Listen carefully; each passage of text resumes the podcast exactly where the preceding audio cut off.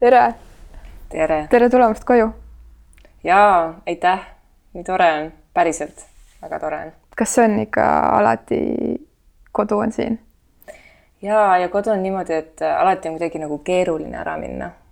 või selline, et sa tuled ja siis on niisugune õhin ja alguses ei tea nagu, mida oodata ja vaata selline kuidagi äh, ma ei teagi, mis see tunde nimi on, selline nagu soe, aga samas ebalev, sest sa ei tea, see on justkui kodu, aga vaata, sa nagu ei ela siin. aga see nagu ikkagi on kodu. ja see on sihuke veider ja see on hästi raske alati ära minna, eriti kui lend läheb mingi hommikul kell viis. kaua sa üldse nüüd lõpuks meil kokku oled ära olnud Eestist uh,? kümme aastat vist sai septembris. päris raju, kaua aega päris kaua. ja kuus aastat Londonis ja nüüd neli pudinatega LA-s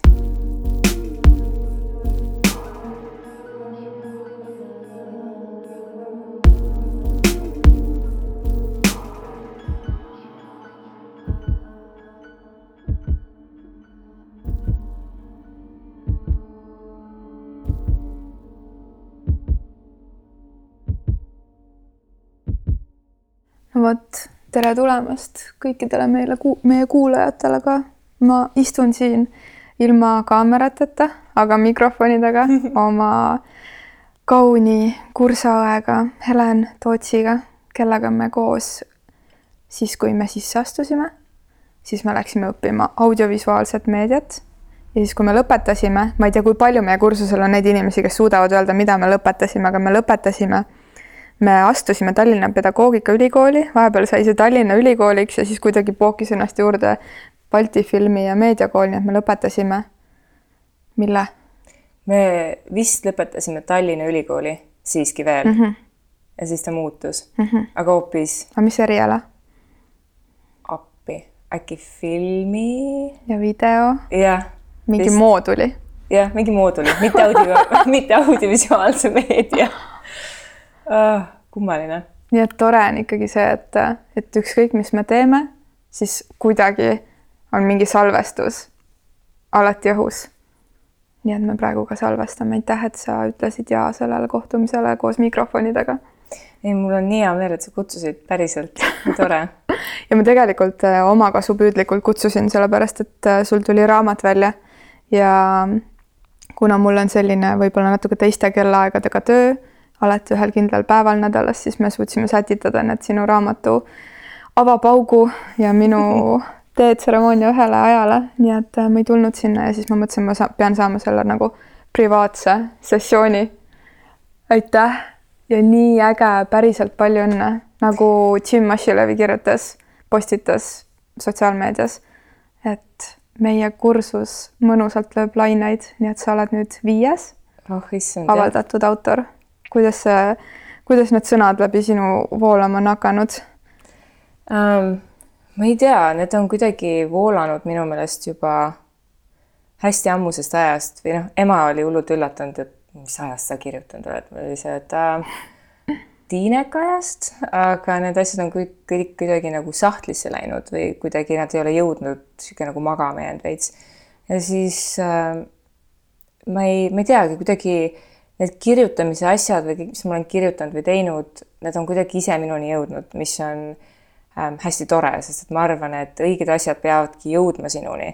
et noh, ei ole vale muidugi millegi poole pürgida ja kui sul on mingi kindel siht või sa tead, kuhu sa tahad minna või kelleks sa tahad saada või või, või kuhu sa nagu pürid, see on okei okay,, aga ma arvan, et mingid asjad, mis peavad inimesega juhtuma ja mingisugused eluteed või ametid või, või mingisugused loomingulised asjad on sellised, mis peavad mingil moel sinuni kuidagi jõudma, kas iseenesest või sa kogemata leiad need või need kuidagi juhtuvad. juhtuvad asjad nagu, ma ei tea, kitarrid. tahad alati kitarri ja siis keegi tänaval annab sulle lihtsalt kitarri, sellepärast et neil ei ole seda enam vaja. et päris võib-olla nii ei olnud, aga, aga umbes nii. see kuidagi on olnud mu sees kinni ja nüüd kuidagi sai ta kahe kaane vahele sellesse formaati. Ähm, et tegelikult, äh, tegelikult hing kirjutab midagi muud, aga see on selline huvitav esimene samm võib-olla nagu tõsisem esimene samm, et veidi kirjutada artikleid ja, väiksemaid jupikesi ja ennast kokku võtta, aga kui keegi ütleb, et sul on kolmsada lehekülge, nagu mine jookse, siis äh, esimese kümne peal tahaks nagu verd köhida. Et äh, isegi hirmutav oli alguses, ma ei tea, on nice. Aga hüppame täiesti tagasi ja tuleme selle raamatu juurde lõpupoole uuesti. Mm. -hmm. sellepärast, et äh, meie ju tihedamalt suhtlesime kogu meie kursuse kambaga, siis kui me olime kõik koos Tallinnas ülikoolis. Ja sina suht ainukesena meie hulgast äh, liikusid äh, niimoodi natukene nagu foreveriks välismaale ja kõigepealt tuli samm üks London yeah.. ja sa ei läinud sinna tegema meie erialast tööd.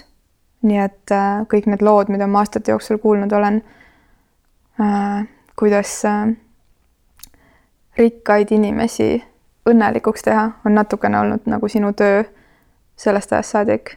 Et on... räägi natuke, kuna kuulajad ilmselt ei tea, mis hullusi ja, ja ägedusi sa teinud oled. Äh, päris äh see on ikka väga veider amet, mis mul on, et seda Eesti kultuuriruumis ei ole, et kui ma sinna tööle sattusin, siis, siis oli ka täiesti selline, et mis asja ma teen, mis, mis koht see selline on ähm,. aga noh, miks ma Eestist üldse ära läksin, oligi see, et äh, mingil hetkel ma avastasin, et ma olen nii palju, nii hullult ennast matnud kõigesse sellesse, mida ma arvasin, et ma tahtsin ja lõpuks tuligi välja, et ma tahtsin seda et kogu loominguline töö ja tele ja filmi ja produktsioonimaailm, et, et noh, et väga mitmel meist oli meie ühisel sõbral Margusel täpselt samamoodi, et mingil hetkel jooksid kokku, et ma ei saanud enam aru, kas ma päriselt armastasin seda, mis ma teen või ma olin sinna kuidagi sattunud ja see on olnud tore ja ma olen sinna kuidagi kinni jäänud, et kas mul, et mis mind nagu edasi viib. siis ma otsustasin lihtsalt äh, teadlikult Eestist ära minna niimoodi, et ma teen mingit sellist tööd, millel ei ole mitte mingisugust loomingulist pinget või üleüldse mingit vastutust. ma tahtsin kuus kuud teha täiesti suvalist tööd, noh, täiesti suvalist. siis ma müüsin kingi natuke aega ja siis otse loomulikult rööprähklale ei saa olla ju normaalne töö. ja siis ma kuidagi läbi tuttava tuttava kuulsin, et ühes elustiilifirmas on koht ja et minu taust võiks sinna sobida. Ega ma ei teadnud, mis asi on elustiilifirma ja siis ma läksin oma oma kingamüüja vabal lõunal äh, intervjuule ja siis õhtuks tehti tööpakkumine. siis, kui ma seal tööle hakkasin, siis ma sain teada, et on olemas selline maailm, kus on rikkad ja edukad või kuulsad või, või kõik need kolm ühes mõjuvõimsad inimesed, kellel on siis kas concierge või mingi selline niisugune nagu elustiilifirma või nende assistentidel, mis nende elu siis veel toetab lisaks nende assistentidele. ja elades Eestis või olles siit ikkagi väiksest kohast, see oli täiesti müstika, et mis mõttes on olemas selline koht maailmas või selline hunnik inimesi, kellel on tarvis kuidagi lisaabi oma imelise elu elamiseks või veel nagu paremaks tegemises, et ja siis ma saingi teada, et niisugused lihtsad asjad nagu välja müüdud kontserdipiletite ajamised või, või restoranid või, või eralennukite noh, viieminutilise etteteatamise peale kokkuajamine, et need asjad on mingite inimeste päriselu osa, nende igapäev. et äh, jah, need on niisugused nagu tavalised asjad, aga siis ongi, et, et noh, sellel firmal ongi see niisugune eraettevõte, mille liikmesmaksu iga siis klient maksab aastas ja siis talle äh, suunatakse siis üks elustiili ma ei teagi, mis selle eesti keele nimetus on, siis kliendihaldur äkki. mis äh, inglise keeles su äh, ametinimetus on? Dedicated lifestyle manager. Sounds fancy Sounds super fancy um, et, äh, et jah, et siis olengi, ma olen nende inimeste, kes minu klientideks siis nagu määratakse, nende esimene punkt siis, mis iganes neil tarvis on. üheksast kuueni, esmaspäevast reedeni. et kõik, mis on legaalne, et et ongi väga veidraid asju nagu erinevat värvi hiiri on palutud, kas on võimalik hiired heleroosaks ja helesiniseks värvidest, neil oleks väga vaja. ja. on siis või? on, ma ei teadnud, et on, täiesti värvitakse. minu meelest ka, hullult kahju.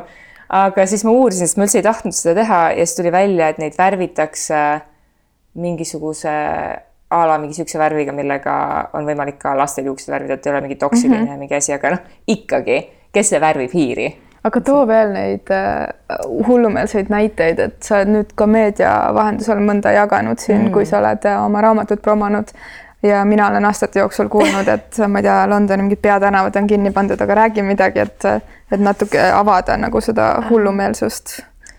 hullumeelsus on niisugune äh, relatiivne mõiste kuidagi Tõsi. või suhteline, et äh, minu meelest hästi paljud asjad, mis on minu meelest normaalsed, on mingite nii-öelda normaalsete inimeste mõistes hullumeelsed, aga aga võib-olla lihtsalt mingid markantsemad näited? no näiteks äh, mul oli üks äh, äh, asiaadist preili, kes oli väga kergesti läks äh, paanikasse ja ta helistas mulle ükskord pärast seda, kui ma olin just USA-st tagasi lennanud sellise üleöise lennuga ja öösel maganud ei olnud otse kontorisse siis umbes neli pärastlõunal, kui jet lag on selline, mis noh, raiub niimoodi, et ükskõik mis kogus kohvi sind lihtsalt ei hoia enam üleval, see ei ole võimalik.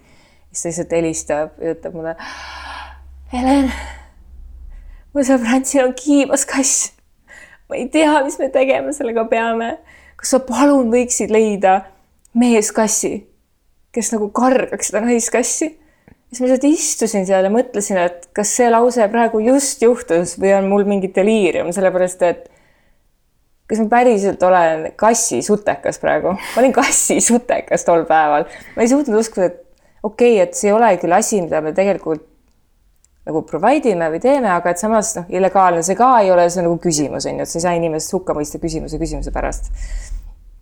ja siis ma nalja pärast saatsin meili laiali sõpradele ja töökaaslastele, et kuulge, kas kellelgi meeskassi on kellel oleks prouat vaja. ja siis tuli välja, et oli kellelgi, aga lõppkokkuvõttes kassid vihkasid teineteist, ei saanud üldse läbi ähm, ja siis on selliseid jaburaid asju olnud, et, äh, et nagu delfiini lemmikloomaks ja, ja mingeid selliseid äh, Pekingi parte, sooja Pekingi parte lennutada umbes USA-st Aasiasse või vastupidi, ma ei mäleta, kumba pidi see oli. ja proposal dinner või mingi niisugune abieluettepaneku õhtusöök liustikul viiuldajaga miks, ma ei tea, ma ei, tegelikult ei tea, kas naine ütles jah või ei lõpuks, ma ei, ma ei mäleta seda enam. aga see juhtus, tegid liustikul, Islandil liustikul tegid õhtusöögi. Väljas ja kõik asjad, toolid ja lauad ja toidud ja toodi kohale ja viiuldaja, vaene viiuldaja, võis hästi külm olla seal. Mm.. et äh, ma ei, kohati ei teagi, kuidas inimestel tulevad need mõtted, et kas on, kas see tõesti on nii igav või, või see on nagu normaalsus. ei teagi. kui, mis see sinu äh, kuidagi psüühika või, või maailmatajuga teinud on, et kas see on kuidagi teinud sind rohkem, muutnud sind rohkem selliseks, et sa oled rohkem jalad maas või see pigem on teinud kuidagi selle tunde, et kõik ongi võimalik? ma arvan, et see on kombinatsioon mõlemast, sellepärast et mul on jalad kogu aeg kuidagi nagu maas olnud või ma arvan, et mu Eesti vanemad on teinud väga head tööd selles osas, et et tea, kes sa oled ja mille eest sa ees seisad ja ülejäänud on nagu, on hall, hall tolm, mis su poole lendab ja siis sa tegele sellega lihtsalt.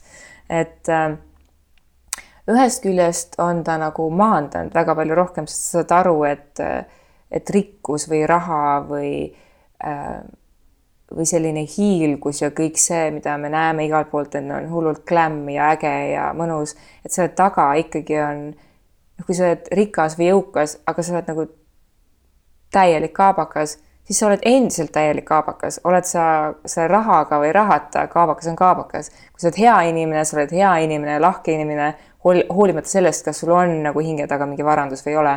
et see tegelikult äh, ei tähenda midagi ja kui öeldakse, et noh, et rikkad on ülbed ja nõmedad ja, ja tõesti on selliseid inimesi ka, aga hästi suur hulk on ka neid inimesi, kes tegelikult on hästi toredad ja hästi lahked ja kes ei, kes ei liputa oma varandust su ähm, silme all ja ei ütle, et ma olen sinust parem, sest et mul on neli autot ja kolm maja või, või mis iganes, aga teisest küljest äh, ta on tekitanud selle tunde, et kui me ikkagi kasvame Eestis üles sellega, et sul on piirid ees, et sa õpi, õpid kellekski, sa noh, abiellud, saad lapsed, lähed tööle, sul on nagu kuidagi see vorm ees, et sa oled ikkagi Eestist, et ära nagu ei tasu väga unistada või ei tasu väga nagu püüda, et noh, et ära oota midagi, siis ei saa pettuda, et see on selline kuidagi armastusega öeldud äh, lause meie kõikide vanemate poolt, eks ju, ja vanavanemate poolt, aga tegelikult selles ju peitub natukene ka seda, et sellega ühtlasi ei lubata justkui unistada või enesesse uskuda, et äh, ma võin teha ka suuremaid asju, et või ma ei pea vaatama mingisuguse inimese poole, mõtlema, et oh, et issand, et see on nii äge inimene, Oprah või noh, näiteks ükskõik keegi, et mina küll sinna ei saa. aga kes ütleb, et ei saa? või et noh, selles osas, et on, ei ole kättesaamatuid inimesi. Ja et on võimalik, sa pead, sa ei pea isegi teadma, mida sa tahad, aga et kui sa õigeid samme teed, siis on võimalik saavutada kõike seda, millest sa unistanud oled. Aga see on lihtsalt sinu enda otsustada, kas sa teed seda niimoodi, et su inimlikkus ja su kuidagi hing säilib või sa siis müüd selle lihtsalt kuradile maha ja lähed kõige täiega ja sõidad inimestest üle, et ma arvan, et sinna tuleb see nagu valik, aga jah, jalad, jalad on maha löönud või see, et ma siiamaani brändidest on täiesti suva või kui inimesed hakkasid äh, Hermes kotte ja asju ajama, mis on mingisugune kakskümmend viis tonni et siis selle peale ma siiamaani ei saa näiteks aru inimesena, et miks, miks see on naade või miks, miks sul seda vaja on, mis ta su hingele annab, ta ei anna sulle mitte midagi, see on lihtsalt üks kallis asi, mille pärast sa pead edasi muretsema, et jumala eest keegi seda ära ei varasta. Et sul, milleks sul seda vaja on, et tegelikult ei, tegelikult ei osta sulle õnne, tegelikult ei osta sulle armastust ja kõiki neid asju, mida tegelikult elus vaja on.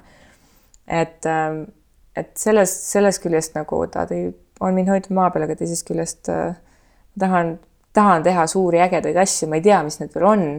aga, aga see töö on tekitanud selle, et äh, su iga päev ei pea olema mingisugusesse raami surutud arusaam kellegi poolt, kes kunagi mingil hetkel ühiskonnas otsustas, et nii, nüüd see versioon on vastuvõetav versioon, et noh, et see on see õige äh, moodus, kuidas nagu täiskasvanud inimene oma elu elab või või mismoodi ta peab mingisuguseid otsuseid tegema. või noh, ma olen kolmkümmend viis, mul ei ole lapsi, ma ei ole abielus, et see ei ole nagu asi, kui inimesed küsivad, et et issand jumal, miks nii on, et, et kas sa ei ole, kas sind ei ole võimalik armastada või et kas sa oled, kas sa hoiad eemale või sulle ei meeldi inimesed. see ei ole, lihtsalt sa valid oma, valid, teed otsuseid selle järgi, mis sulle tundub, et sel hetkel make sense, et mul tol hetkel tundus, et ma tahan minna rändama ja seda ma tegin.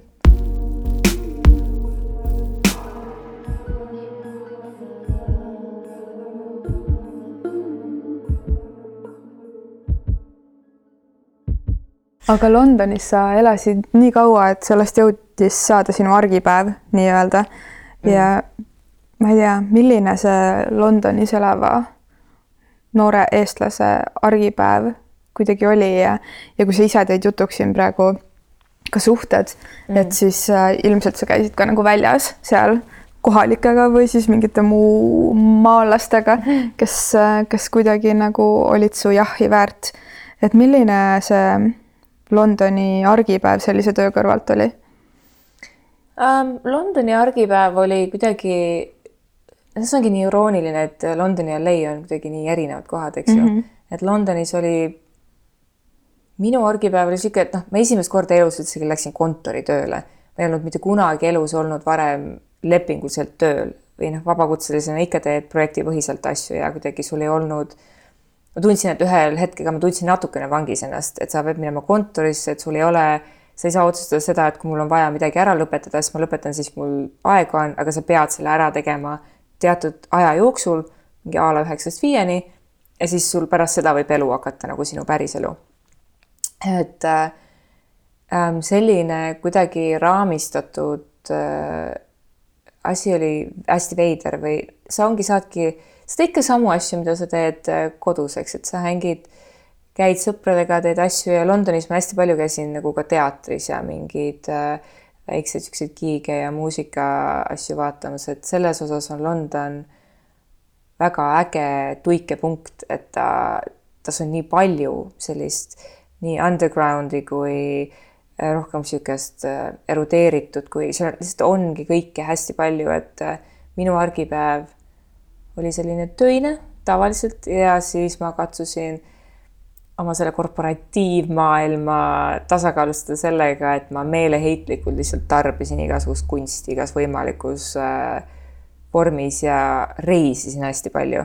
nii kui tekkis nädalavahetus, kui oli võimalik kuhugi ära lennata või kolm päeva, siis ma kohe tõmbasin Londonist kuhugi kas Hispaaniasse või, või Itaaliasse või Šveitsi või, või sõbrannale Kopenhaagenisse külla, kes tollal seal õppis, et kuidagi sealt oli nagu lihtne minna ja hästi odav ja kuidagi, et äh, see Londoni argipäev oli veits sürreaalne selles osas, et äh, hästi palju vabam mingis mõttes, kui ta Eestis oli, aga teisalt jällegi hästi rohkem piiritletud mingite niisuguste tööülesannete asjadega. Kui sa oled võõras linnas äh, välismaalane, mitte et ma sind kuidagi alahindaks, on ju, aga sa oled hommikust õhtuni tööl, kuidas üldse tekivad sõbrad, uued sõbrad väljaspool tööd või kuidas tekivad mingid suhtevariandid?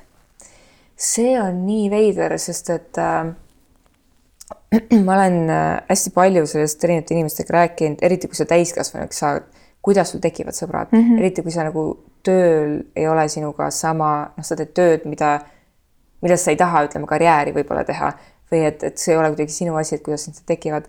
ma ei äh,, ma ei teagi, minu ümber on kuidagi lihtsalt tekkinud, et ma kuidagi usaldan seda protsessi, et ma ei tõmble selle nimel väga, et mul olid paar sõpra, keda ma enne juba Eestis teadsin, kes tollal õppisid seal koolis nagu Tanel Toom õppis tol hetkel koolis seal, et mul olid mingid sõbrad, keda ma teadsin juba tükk aega, kellega noh halvimal juhul või noh, kui oli vaja kellegagi hängida, siis mul olid inimesed, ma ei olnud nagu täiesti üksi seal. aga sealt mingid inimesed tekkisid nagu töö kaudu ja ma ei teagi, kuidas mingid inimesed lihtsalt tekkisid. no mingil hetkel olidki kas sõprade sõbrad või tuttavate sõbrad, kellega ma enam ei ole sõbrad, aga nende sõprade sõpradega ma olen sõber. et ma arvan, et või vähemalt minu elus ja minu puhul on see toiminud kuidagi, et et need inimesed, kes mul on olnud kuidagi Eestis ümber, on tekkinud mulle, tekkisid mul ka Londonis samalaadsed inimesed ja tekkisid ka LA-s. et ma arvan, et ei, sõpru ei pea otsima, ma arvan, sõbrad lihtsalt tekivad. vähemalt minu puhul see on olnud kuidagi nõnda. ja suhetega, ma arvan, on samamoodi, et äh, tol hetkel ma väga mingit niisugust äpp dating ut ei teinud, sest ma lihtsalt ei viitsinud ja kuidagi Londonis oli see niimoodi, et sa kohtusid inimestega, kas hästi suur pubikultuur on selleks. et sa lähed kellegagi tringile ja siis on kellegi sõbrad tulevad, siis on kellegi kellegi sõber ja niimoodi kuidagi orgaaniliselt see tekkis, et et samamoodi ma arvan, et need inimesed lihtsalt juhtuvad, et kui sa mõtled äh, suhete peale või keegi mõtleb ükskõik mis suhte peale, siis kui palju on olnud neid suhteid äh, iseenda elus või inimeste elus, kui see on neile ette mängitud. et see ikkagi on ju, sa kohtud mingi inimesega mingi täiesti suvalisel hetkel ja siis mingid asjad maailmas toimivad niimoodi, et see inimene kas kaob korraks ära, aga ta tekib uuesti. et, et ma ei tea, et ma arvan, nii sõbrad kui suhted lihtsalt kuidagi leiavad su üles ja, ja sul on neid vaja nii inimesi sõpradena kui nii-öelda nagu romantilises äh, pooles ja nagu kaaslasena ja partnerina on äh, teatud inimesed tekivad su ellu teatud ajal ja, ja, ja sa ei tea seda enne, miks nad sinuga juhtusid, kui alles hiljem. sest et sa ei peagi teadma, sa peadki mingitelt inimestelt äh, õppima midagi, mida sa veel ei tea või millestki aru saama või midagi kogema ja siis mõned inimesed jäävad ja mõned ei jää ja kõik inimesed ei peagi jääma. sest et kui kõik inimesed jääksid, siis neid oleks liiga palju. ma arvan. kas Londoni LA näol vahetas välja kõige rohkem päike või mis? ma arvan küll äh,. pigem nagu see ka, et äh, mul oli Londonist üsna kõrini juba saamas või no mitte kõrini, aga mul tekkis see tunne, et ma ei äh, ma ei jaksa enam olla seal või kuidagi, seal oli väga tore ja mulle väga meeldis seal. aga see oli selline linn, mis on ka kogu aeg sudune, seal on hästi palju inimesi ja seal ongi kõike hästi palju, nii kunsti kui seda loomingulist energiat ja kõike seda, aga seal on ka seda linna kuidagi lämmatavat olemust ka. ma sain lihtsalt sellest kuidagi, ma tundsin, et äh, mul on sellega nüüd okei okay,, kui ma siin enam ei ela, et mulle väga armastan Londonit ja see on mulle väga kallis. aga ma tundsin, et ma tahan sealt ära minna ja siis ma tulin Eestisse oma sünnipäevaks ja kirjutasin omale sünnipäeva kingituseks lahkumisavalduse. ma ei saatnud seda ära. mõtlesin, ma saadan siis, kui ma tööle tagasi lähen ja sama päeva pärastlõunal tuli mulle meil, et äh, kuule, tahaksin LA-sse üle viia, kas tahaksid minna? Ja see oli nii sürr hetk, et ma ikka flippisin täiesti ära mingi paariks päevaks, ma üldse ei saanud aru, mida ma tegema pean, nagu et mis just juhtus. ma ei tahtnud enam olla. aga, ja siis ma mõtlesin selle peale hästi kaua, aga siis ma lihtsalt otsustasin selle põhjal, et äh, tollel hetkel ma olin kolmkümmend üks. Äh, mul ei olnud äh, ei Peikat ega kedagi, kes minust nagu nagu jääks nagu maha või mille pärast ma peaks mingisuguseid suhteid murdma või, või lõhkuma, et mul ei olnud mingit põhjust, miks mitte minna. ja kui sulle keegi pakub, et kuule, jõu, sul on töö, me ajame sulle viisa korda ja sul on juba sõbrad LA-s, et kes ütlevad, et jaa, tule hängi meie juures nii kaua, kui korteri leiad, et siis mingil hetkel läks mul see lambike põlema, et aga neid asju vist ei juhtu elus päris tihti, et ma peaks sellest kinni haarama ja see oli nagu pigem, ma arvan, et see oli üks osa oli päike ja teine osa oli see, et ma tundsin, et midagi oli nagu juba läbi. ja see kuidagi lihtsalt juhtus ja see oli nii sürr. et äh, ma arvan, et üks osa sellest otsusest oli ka see, et see kõik oli lihtsalt nii sürr. et kui ma sellega mitte midagi ei tee, siis on raiskamine kuidagi. et elu viskab nii suured sünkroonsused ette ja kuidagi narr oleks mitte jaa. kasutada. jah et, et selline nagu, et kui sa räägid äh,, kui sa räägid seda, kuidas sa usaldad maailma ja siis üks hetk äh, sa, ta viskab sulle niisuguse asja, sa ei tee seda, siis see on natukene vist universumile näkku sülitamine või kuidagi ma ei tea, kahepalgeline käitumine vist natukene. milline see LA argipäev võrreldes Londoniga siis oli, on? hästi palju päikselisem um, töö osas on ta umbes samasugune, aga inimesed reeglina on kuidagi rõõmsamad üleüldiselt või positiivsemad, aga ma arvan, et see on jällegi päikese case, et kui sul on lihtsalt valgust ja soojust natuke rohkem kui vihma, siis see vist on, nii ongi.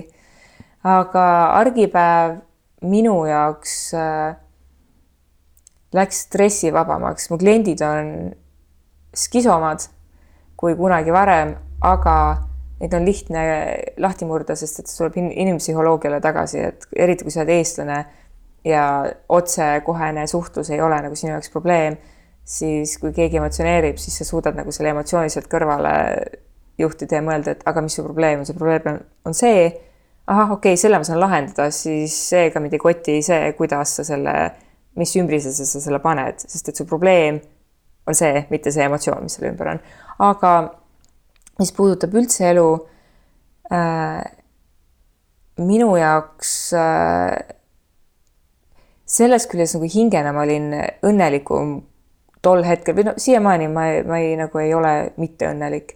et kui sa hommikul ärkad ja enne tööd saad minna matkarajale, mis on Eesti, see, see kohalikus mõttes on ta väikeküngas, aga Eesti mõttes kõrgem kui Munamägi ja see on nagu okei okay, hommikul kella kuuest minna ja päikesetõusu mingi haik teha. juba on ju päev hästi, et äh, selline, et sa elad linnas, mille ümber loodus on nii kättesaadav ja linna sees, et minu jaoks see oli nagu nii uskumatu asi, et ma saan seda enne tööle minekut teha. et siis nagu, mis mul järgmise päeva jooksul juhtus, oli niisugune suhteliselt suva. et äh, seal on nagu nii palju rohkem avastada või et ma et ma lähen hästi palju loodusesse hästi tihti, et et kuidagi sellisest puukallistajast eestlasele oli see, oli see nagu füüsiliselt väga õige otsus, ma arvan mm. -hmm. et ja kultuuri on seal ka hästi palju tegelikult, seda peab lihtsalt otsima natukene rohkem, kui, kui võib-olla London sulle lihtsalt nagu letti viskas. kuidas see paiga suurus, kus sa elad, sa oled pärit Vaidast, mis on Tallinna külje all üks väga väike koht, on ju mm.. Tallinn on väga väike, Eesti on väga väike, London juba on väga suur, on ju. LA yeah. veits suurem et äh, kas kuidagi mingi selline see väikese koha tüdruku mingi, kas sa tunned seal ennast rohkem vabamana või et see, see suur linn annab sulle mingi teatud anonüümsuse, mis tekitab mõnusa tunde või on ikkagi mingi koduigatsus nüüd nende aastate peale sisse lööma hakanud rohkem? koduigatsus on kogu aeg või kodu, noh, mis on kodu, sa igatsed ikkagi neid inimesi eh, enda ümber, sa igatsed peret, sa igatsed oma sõpru, sa igatsed neid ähm, noh, üleromantiseeritud nunnusid, keerviideri kohvikuid äh,, tuled Raekoja platsilt ja on jõulud ja nunnu ja mõnus, aga et sa nagu, ma ikkagi igatsen neid ja nagu niisugust vahetust äh,, vahetussuhtlusest kohati on puudu ja nii, aga aga anonüümsus jaa, see on ka selline kahe otsaga asi, et ühest küljest sul ongi vabadus teha mida iganes sa tahad, sest et LA on üks selline linn ka, kus sa võidki olla ükskõik, kes sa tahad ja see on okei. Okay.. ma võin kanda ükskõik, mida ma tahan ja see on okei. Okay.. et niikaua, kui sa usud sellesse, mida sa teed, mida sa kannad, mitte keegi teine absol ei, neid ei koti see, neid ei huvita absoluutselt, mis sa teed, et aa, et sa oled niisugune, okei okay,, cool, see on äge, see on tore. Et ähm, sellest küljest on tore, aga teisalt on see, et ma vahel mõtlen sellise režissööri ajuga igasuguseid haigeid stsenaariume läbi. Äh, ja üks nendest on see, et aga kui keegi mu praegu maha lööks suvaliselt pimedal tänaval, mitte keegi ei teaks, kus ma olen, mitte keegi ei teaks, kes ma olen, võib-olla mitte keegi ei leiaks mind, et selle anonüümsuse see varjukülg on ka nagu see et äh, kui sinuga midagi juhtub, siis see võib juhtuda nii, et mitte keegi kunagi ei saagi teada. aga, aga noh, ma katsun neid, neid, neid, neid pooli mitte väga nagu sisse lasta ähm,. aga jah, ei, seal on palju vabadust selles osas küll. et sa võidki olla üks, sa võid olla iga päev erinev inimene, kui sa tahad seda. ma olen hästi pikka aega mõelnud, et ma tahaks hakata neljapäeviti parukaid kandma. päriselt ühe korra kuus neljapäeviti tahaks kanda parukaid ma käisin, käin tööle minnes, meil töökoht kolis Hollywoodi. Ma kõnnin tööle mööda Hollywood Boulevardi, mis on hoopis mingisugune teine dimensiooni maailm. ja ma kõnnin iga päev ühest parukapoest mööda, siis ma kogu aeg vaatan seda, mõtlen, et ühel päeval peaks sinna sisse minema need parukad ära ostma. kas äh, korraks veel töö jutu juurde tagasi tulles, et, äh, et sa ütlesid, et kliendid on skisomad et millise, kuidas see väljendub või, või äh, et nii-öelda amet on, on sama, on ju, siis äh, millised palved üle ookeani inimestel on? Need äh, skiso, mis ma sellega silmas pidasin, on ilmselt see, et äh, ikkagi Inglismaal inimesed on sellised otsekohesed, nad teavad, mis nad tahavad ja nad sellised äh, nagu straight to the point. mul on seda vaja ja mingit ilustamist ei toimu ja USA-s kõige suurem, eriti LA-s, kõige suurem vahe oli selles, et äh, inimesed hästi palju nurisevad igast asjade üle ja nagu kaeblevad ja midagi pole kunagi õigesti ja noh, kogu aeg on nagu midagi valesti. ja nende nõudmised on selline, noh, kui eestlane sööb toidu ära, mis võib-olla ei ole kõige parem et noh, ütleme, et mm, oleks võinud natuke rohkem soola olla või vähem pipart või mis iganes ja tuleb teenindaja ja küsib, kuidas oli ja väga maitsev, aitäh. Sest et sa oled viisakas ja nii on õpetatud, siis USA-s.... no mina ei ole see, aga ja no üleüldiselt, eks ju ja, ja USA-s on ikkagi niimoodi, et kui on nagu üks leht valesti, on see, et äh, vabandage, mul on vaja see tagasi saata, sellepärast et äh, ma ütlesin, et mul ei ole vaja seda sidrunimahla, aga siin on üks sidrunilõik peal, te peate selle ära viima. et äh, sellist nagu nokitsemist on hästi mm. palju rohkem ja kui midagi küsitakse, noh, kasvõi sihuke lihtlabane asi nagu, et aja mulle eralennuk, mis on täiesti normaalne asi nende inimeste maailmas, eks ju. et äh, siis võtad oma erinevate supplier itega ühendust, et kellel on kõige, vot see on see route, mul on vaja mul on vaja hinnapakkumist, et äh, palun tehke see ja siis hakkavad tulema mingisugused sellised asjad nagu, et äh, see interjöör ja okei okay,, see on beež, aga ma tahaks nagu heledamat beeži ja need nõudmised kuidagi lähevad isegi niisuguse lihtsa asja juures nagu nii juuksekarva lõhestamiseks kätte ära, et see lihtsalt ajab hulluks või see, et äh, keegi arvab, et kuna ta maksab mingisuguse äh, teenuse eest, siis ta, et siis nad omavad sind. et sa mm -hmm. oledki neil kogu aeg olemas, et nad võivadki sulle helistada kogu aeg nagu nonstop, ükskõik mille pealt pärast ja ükskõik millal ja ja nad arvavad, et see ei ole okei okay,, et sul on õhtu vaba, et mis mõttes sa nagu peale kuute mu meilile ei vasta. mis mõttes sa seda ei tee? Ei, ma maksan selle teenuse eest. et noh, nagu selles mõttes on see nagu saikomad ja ja need soovid on ka nagu natukene suuremad, et kui ikkagi Inglismaal või no Euroopas olid sellised mõistlikud, välja arvatud siis need kassipojad ja ma ei tea äh,, niisugused e e eri, erisoovid, siis äh, USA-s on pigem seda nagu rohkem äh, rahaga laiamist või et äh, ma tahan, nüüd hiljuti tegingi sellise asja, et ühel kliendil üks klient äh, tegi oma prouale neljakümnendaks sünnipäevaks üllatussünnipäeva äh,. niisugune väga huipuäge viie tärni koht keset kõrbe Arizonas, niisugune mega-mega-mega koht. ja üks osa kingitusest oli see, et kas sa saaksid mulle ajada selle popmuusiku Nelli sinna üllatusesinejaks. oleks vaja nagu teada homme. ja oleks vaja ta hinda teada ja kui ta ei ole nõus, siis äh, räägi ta nõusse. et mingid sellised asjad, mis noh, ongi siis, kui tuleb see tüdruk Vaidast ja siis nagu istud seal ja mõtled, et okei okay.. Nelli, kontakt. jah, Nelli, Siri, otsi Nelli kontakt. I don't understand um,. et selles osas on nagu kuidagi lihtsalt hästi palju nõudlikumad ja hästi palju ebastabiilsemad inimestena ja isiksustena. miks sa arvad, miks see nii on? Ma ei, ma ei tea, mul on, ma arvan, et see kohati võib-olla USA ühiskonnast tulenev ähm,. sest et seal on ka USA ühiskond on väga labiilse närvikavaga ähm,.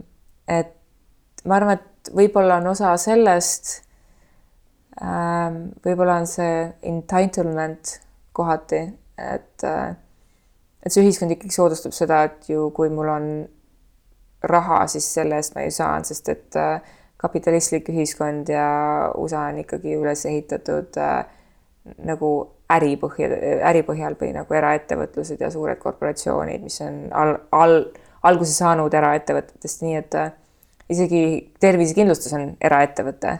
et kui see kogu, kogu kultuur või kogu see ühiskond on ikkagi raha peale või niisuguse jõukuse peale üles ehitatud, siis ma arvan, et osa on sellest, et sust eeldatakse jah, võib-olla on ka teine koht see, et lubatakse unistada.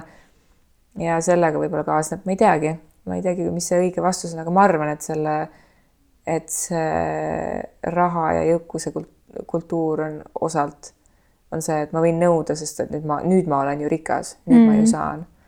mitte küll igal juhul, aga ikka üldistatult võib-olla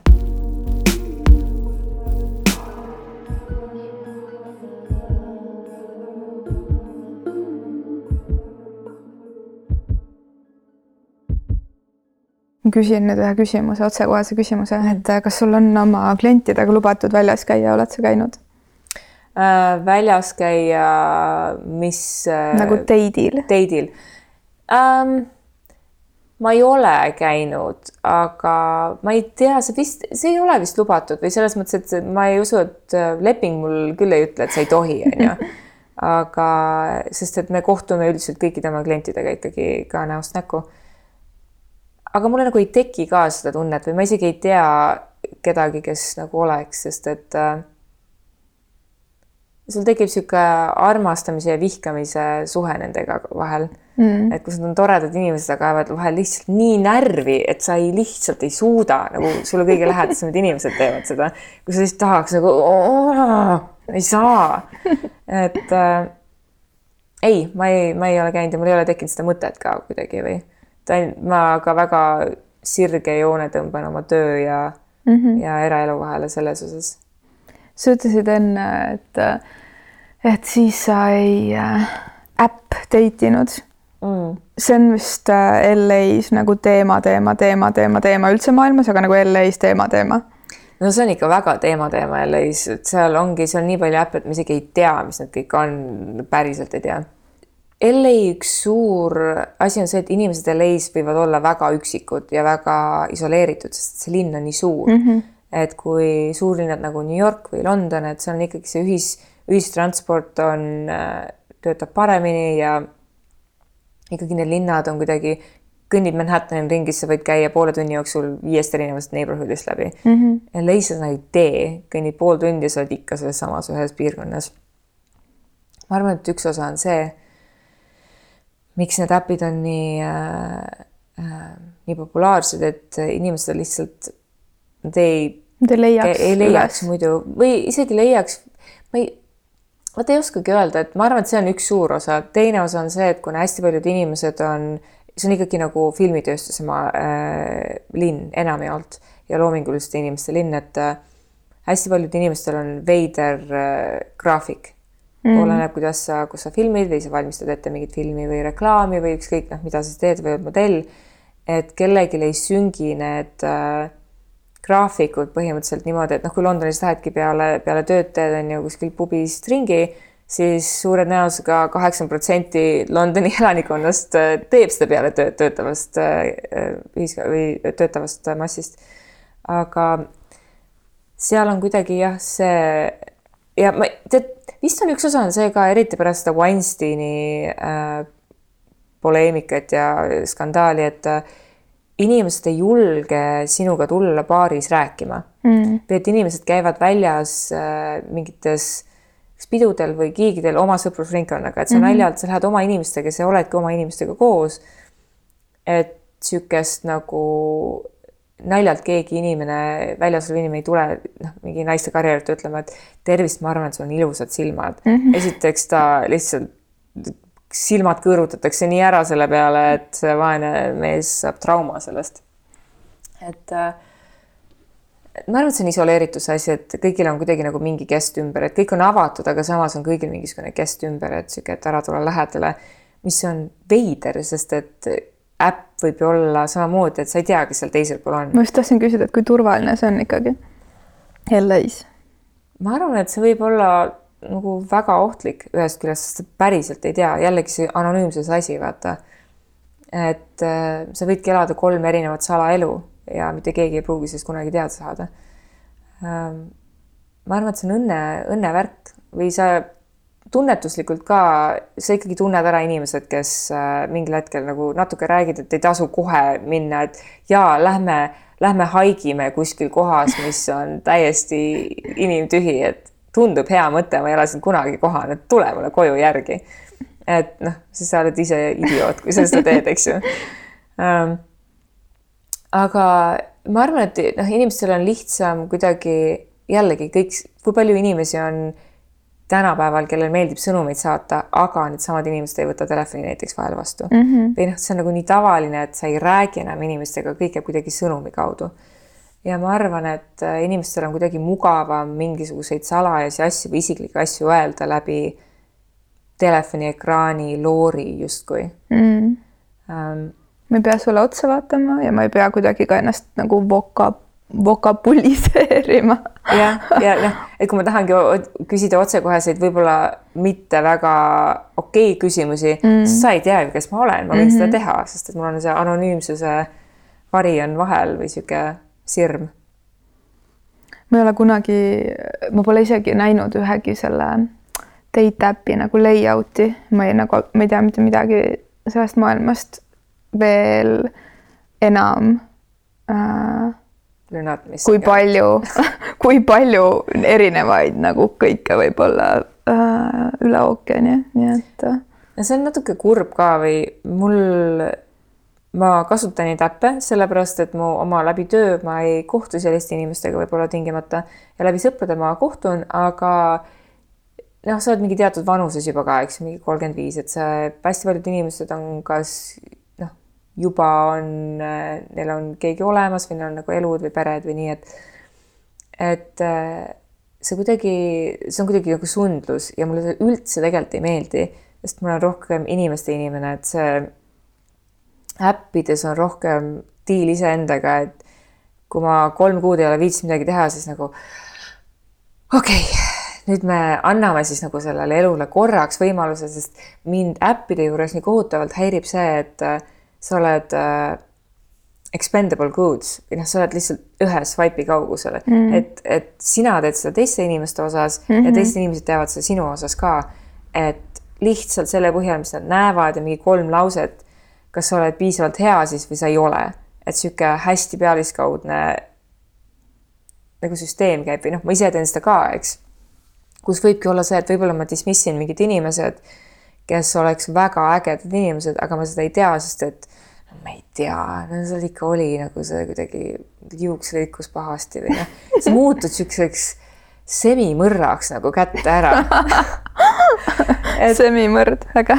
noh, või noh, on või sa kuidagi noh, püüad ju mitte inimesi hukka mõista, aga paratamatult sa lihtsalt teed seda, sest sihuke swipe, swipe, swipe selle semimõrraga tuli see Lita jäta. Et äh, räägi, mis lugu sellega oli oh,? Lita jäta, noh, Lita jäta. kui ma raamatut kirjutasin äh,, siis äh, ma kasutasin seal selliseid äh, ingliskeelseid väljendeid, sest et ma teadlikult kirjutasin kogu seda raamatut niiviisi, et seal oleks võimalikult palju LA-s, LA-le omast Ähm, tunnetust või kuidas inimesed räägivad või on või lihtsalt niisugune vabam ja keegi ei ole väga kuidagi äh, official või selline. ja siis üks väljend oli bitch please ja ma rääkisin oma esimesest äh, Oscari peo ühest aftekast, kuhu ma pidin töö pärast minema. ja seal oli üks inimene, kes kõõrutas silmi ja ütles selle peale põhimõtteliselt bitch please mulle ja toimetaja arvas, et äh, äkki võiks eestistada mingid siuksed väljendid. et, äh, et see oleks tore, et noh, ilus eesti keel, et võib ju. Ja siis ma mõtlesin, et mida ma, mida, mida ma teen nagu bitch please on nii hea selline noh, nii konkreetne, kõik teavad, mis mm -hmm. see mhm. tähendab, eks. või vähemalt mingi, mingis vanuses inimesed alates teavad. ja siis käisid igasugused äh, variandid ja ma tegin Whatsappi sõnumi äh, grupi paari sõbrannaga, kellega oli see, et kuulge, ma ei tea nüüd, siin mul käivad need erinevad mõtted, et okei okay,, et lihtsalt mul on vaja mingisugust äh, kajapinda, et mis tundub, et võiks olla okei okay ja mis tundub, et noh, või võiks olla nagu mitte okei okay.. siis igasugused variandid olid seal, üks nendest oli Tibu palun, mis peaaegu läks, aga siis mingil hetkel kuskil välgatas, et bitch please võiks olla vabalt, Rita jäta. ja siis see kuidagi jäi ja ja mingil hetkel toimetaja hiljem ütles, et kuule, see vist see tõlge peaks olema bitch please, et paneks inglise keeles. aga tol hetkel ma olin nii ära armunud sellesse pagana litasse, et see nagu jäi. ja nii on raamatus? nii on raamatus. ma pole ju raamatut veel hoidnud ega nuusutanud ega lehitsenud. millal sa hakkasid kirjutama seda ähm,? seda raamatut ma hakkasin kirjutama äkki mingi poolteist aastat tagasi juba. aga siis mul juhtus igasuguseid asju vahepeal nagu äh, mu läpakas lendas õhku koos selle tekstiga niimoodi, et mul back-up'id ja kõik asjad nagu kadusid ära tööreisi ajal San Franciscosse niimoodi, et ma ei teadnud, mis edasi saab, ma lihtsalt jõllitasin seda surnud Maci läpakat ja mõtlesin, et ah, valus on. ja siis ma ei kirjutanud mingisugune kaks kuud, sest mul ei olnud läpakat ja siis ma hakkasin uuesti, otsustasin, et okei okay,, et see raamat ei pidanud siis niimoodi sellisena sündima, et ma hakkan täiesti otsast peale hoopis teistsugust kirjutama. Ja siis ma hakkasin seda kirjutama ja siis juhtus üks traagiline sündmus mingil hetkel selle raamatu kirjutamise jooksul, kus äh, lahkus sellest maailmast üks väga lähedane sõber, kes alati toetas kirjutamist ja kellega kunagi ülikooli ajal elasime koos ühes korteris ja kes kogu aeg nuias mulle, et sa pead kirjutama, sa peaksid rohkem kirjutama, et see, et sa sahtlisse lased, et see on nagu üks asi, aga päriselt ka kirjuta niimoodi, et inimesed näevad seda ja ma kogu aeg vaidlesin sellele vastu, et ma ei tea, ma ei tea, ma ei tea. ja siis lõpuks, kui ma hakkasin kirjutama, siis ta oli üks esimesi inimesi, kellele ma ütlesin seda. ja siis ta arvas, et see on lõpuks ometi ja ma olen oma idiootsusest välja murdnud ja maailma jõudnud ja vot sellega mul tõmbas lukku, nii et ma ei suutnud mitte midagi kirjutada tegelikult mingi kolm-neli kuud. et äh, ma lihtsalt ei suutnud, mul tekkis kõige rõvedam kirjutaja plokk. Ja siis see aeg kuidagi läks niimoodi ja läks niimoodi ja siis lõpuks äh, ma läksin isegi psühholoogi juurde, sest et äh, mul oli niisugune koht, kus ma ütlesin, et mu süda ei ole murtud ja ma, ma, ma saan aru, miks asjad juhtusid. ma ei saa kirjutada, ma ei tea, miks ma ei saa kirjutada. ja siis tuli välja, et mu lein kuidagi manifesteeris ennast läbi selle. see oli mm -hmm. väga mhm. kummaline. pidin õppima igasuguseid asju sealt, mis oli väga silmi avav. ja siis ma tegelikult selle põhiosa ma kirjutasin ära kolme kuuga, nii et ma üldse ei maganud ja, ja siis niimoodi ta kuidagi ongi poolteist aastat äh, aega võtnud või natukene rohkem kõikide saba ja sarvedega. et nüüd ma tahaks hoopis teisi asju sinna kirjutada ja hästi palju rohkem lugusid panna, aga äh, valik on tehtud ja siis praegu sai selline, et need teised lood ja teised mõtted tulevad äkki siis kuskil mujal või uues raamatus või natuke teistsuguses vormis. et äh, jah, päris kaua aega läks. nii et minu LA Helen Tootsi kõikides raamatupoodides üle Eesti ja palm peal kas sa kuidagi siis äh, niimoodi diiseriks mõned lood või mingid hetked, mingid lemmik, mitte päris kõige lemmikumad leheküljed, aga mingid, mingid momendid, et kui keegi mõtleb, et mis ta siis sinna kirjutas, kuidagi on jagada või see on tobe küsimus? Ei, see ei ole üldse tobe küsimus. Äh, ma arvan, et seal on äh, seal on mingisugused peatükid, mida võib-olla inimesed ei tea väga. et minu jaoks oli väga tore see, kui ma avastasin, et Uberi juhid ja lifti juhid on LA leksikon, täiesti leksikon. kui sa hakkad neilt küsima, siis need karakterid ja need inimesed, kellega sa kohtud, on täiesti, see on täiesti imeline maailm, et üsna tihti sa istud taksosse ja mõtled, et ei viitsi rääkida, ma tahan punktist A punkti B, et ma lihtsalt noh, tahan siin autos, see on, ma olen siin autos selleks, et ma jõuaksin kuhugi ja that's it. ja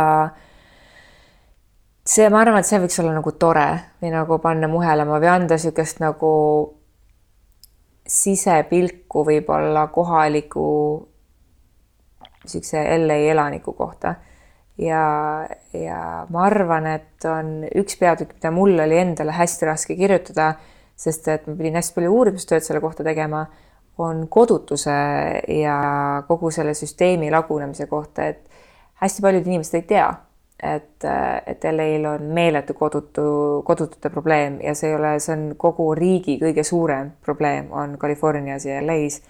et äh, mingisugused niisugused kohad, et see ei ole tingimata tore peatükk, mida lugeda, aga ma arvan, et see oleks huvitav, sest et äh, kuni sinna kolimiseni mina näiteks ei teadnud, et ma teadsin, et see on halb, aga ma ei teadnud, kui halb või mis need nagu põhjused on või et et ei ole, et kõik ei ole luuserid ja, ja narkarid, kes tänavatel on, et seal on nagu hästi-hästi suuremad ja sügavamad äh, põhjused ja juured kogu sellel asjal. ja üldse tegelikult, et LA äh, kohta mingit insight'i saada, siis ma soovitan väga äh, Instagramis follow ida sellist äh, account'i nagu Overheard LA, mis on äh, põhimõtteliselt siis konto nendest asjadest, mida inimesed kuulevad pealt mm -hmm. erinevates kohtades. ja kui ma hakkasin seda alguses lugema, siis ma arvasin, et see ei ole tõsi. päriselt on tõsi, nende põhjal, mida ma isi, ise isiklikult olen kuulnud inimesi ütlemas LA-s, see on nii äge account, mis annab niisuguse nagu selle LA veidrale poolele nagu väga-väga-väga hea ülevaate sellest. et ma seda soovitan side, side note'ina siin vahe, vahemärkusena. aga ma kirjutasin armastuskirja. Äh, kui tahab armastuskirja lugeda, siis äh, seda võib lugeda ka. ma kirjutasin armastuskirja California suvele mm,. see kõlab nagu mingi laul. jaa mm armastuskiri California suvele. see võiks olla küll tegelikult, ma arvan, sest ma arvan, et on kirjutatud ka, sest et äh, äh, ma leian, et äh, inimesel on otsustada, kas ta armastab või ta vihkab. ja vihkamine on vaata niisugune asi, et on üks ütlus, mis mulle on hullult meeldinud, et äh, vihkamine on äh, on justkui, et sina jood mürki ja loodad, et teine inimene sureb. et see tegelikult ainult sind, sinule endale teeb haiget, kui sa midagi vihkad. ja siis äh, sa saad otsustada seda, kas armastad või vihkad midagi ja siis ma otsustasin, et tegelikult ma armastan väga LA-d ja, ja, ja mitte just nagu seda kohta, aga kogu seda vibe'i ja kõike seda jaburust, mis sellega kaasa tulevad, nii neid negatiivseid kui positiivseid külgi, et keegi kunagi ütles, et sa ei saa armastada mingit tunnet või sa ei saa armastada mingisugust niisugust vaibi. Et ma läksin temaga kohutavalt vaidlema, sest minu meelest seda on võimalik teha, sa võid armastada väga kummalisi asju või ükskõik, mida sa tahad. ma arvan, et see noh, et jah, et kui keegi tahab, kui keegi ei ole ammu saanud armastuskirja, siis äh,, siis võib, võib, võib seda lugeda kuule, armastusest korraks veel rääkides, meil on saates niisugune äh, hetk, et äh, kus me küsime oma külaliselt, et mis on sinu esimene mälestus kuidagi armastuse või armumisega. nii et äh, puista uh,. Äh, armastuse või armumisega? kaks lugu rääkida või need kokku panna, ma ei tea su elust toona. mitte midagi ah,. esimene hmm ma arvan, minu esimene armastus ja mu esimene armumine oli üsna hilja elus, ma olin niisugune nagu, nagu hilistiinekas. Iroonilisel kombel sellest inimesest äh, sai kaheksast, äh, kaheksaks aastaks äh, minu Peika, aga ma võitlesin selle vastu hästi kaua aega. ma seitse kuud, ta oli must vanem, ta oli must viis aastat vanem ja ma olin tollal mingi viisteist, kui me kohtusime ja noh, see ei olnud ju okei okay,, et sa mingi kahekümnes aastase kutiga kuskil hängid ja issand jumal, sa olid ikka nii tabu ja ei, ei ju jumala eest. ja ma eitasin seda iseendale, sest ma sain aru esimest korda, kui ma selle inimesega kohtusin, et ma ei saa selle inimese lähedal olla, sest et äh, sellel inimesel on mingisugune, mingisugune asi, et kui ma ta lähedal olen siis ma ei saa sealt enam ära minna või noh, ma ei, ma ei saa nagu niisugune, ma ei teadnud, mis asi see on mm, -hmm. sest ma ei olnud mitte kunagi varem tundnud seda, et sul on mingi tõmme, mingi tõmme jah, ja sa ei oska seda, see on nii vaimne kui füüsiline või selline nagu, et sa ei saa seda, sa ei saa sellest inimesest ennast lihtsalt eemal hoida. Ja siis ma eirasin seda ja ta tahtis hullult minuga date ida, siis ma seitse kuud eirasin seda ja ma vaidlesin vastu. seitse kuud, vaene mees. Äh, ja siis ma lihtsalt tunnistasin endale, et äh, ma vist armusin ära nagu kohe, kui ma selle inimesega kohtusin ja ma ei, ja ma ei uskunud ja siiamaani olen skeptiline niisuguse asja koha pealt nagu armastus esimesest silmapilgust mm. et ma ei, ma ei uskunud, et niisugune asi on olemas ja ma siiamaani veits olen sihuke, et ma ei tea, võib-olla mis mingi tiineka hormoon. Aga ma arvan, et ma arvasin ära esimesest äh, silmapilgust ja ma lihtsalt ei teadnud, mis asi see oli. see oli väga veider ja siis ma olin äh, armunud ja armastasin seda inimest peaaegu dekaadi mis on väga veider. ja, ja lõpuks, kui see asi otsa sai, siis äh, see asi ei saanud otsa armastuse lõppemisest, vaid see asi sai otsa äh, kuidagi eluotsuste tegemise põhjal, niisugune täiskasvanud inimese otsus nagu teha mingisuguseid, mina tahan oma teed kõndida ja meie teed ei kõnni samas suunas kahjuks ähm,. osas, et ma ei tea, vist pagan jah, olin seitse kuud armunud ja ise ei teadnudki no nii, saime sellel ka otsa vaadatud. päris mm. äge, aitäh, et sa jagasid. jah, anytime. Oh, aga see on nii tüütu küsimus nagu kindlasti, kindlasti. aga kas selle LA raamatu kirjutamisega on nüüd mingi osa LA-d tehtud või ta märgib mingit keskpunkti või nüüd alles see algab, et kus sa tunned, et sa oled liikumas nii palju, kui sa tahad jagada veel ähm,? LA osas või, või? LA osas ja ma mõtlen nagu kuidagi selle, selle siin maal paiknemise osas, elamise osas, kodu osas ma arvan, et selle raamatuga on see, et kuna ma nüüd selle ära kirjutasin, siis on see, et see on verstapost, et mingid lood sellest ajastust said nagu kaante vahele, et kui ma mingil hetkel seal enam ei ela võib-olla, võib-olla elan, ma ei tea, äh, siis kuidagi ta, see etapp mu elus või need aastad mu elus on mingil moel jäädvustatud kuidagi mustvalgel, mis on äh, päris äge tagantjärgi mõeldes. aga see lei aeg on niisugune veider, et hästi palju oleneb nagu sellest, kuidas immigratsiooniametnikud otsustavad su vabadust piirata või lubada.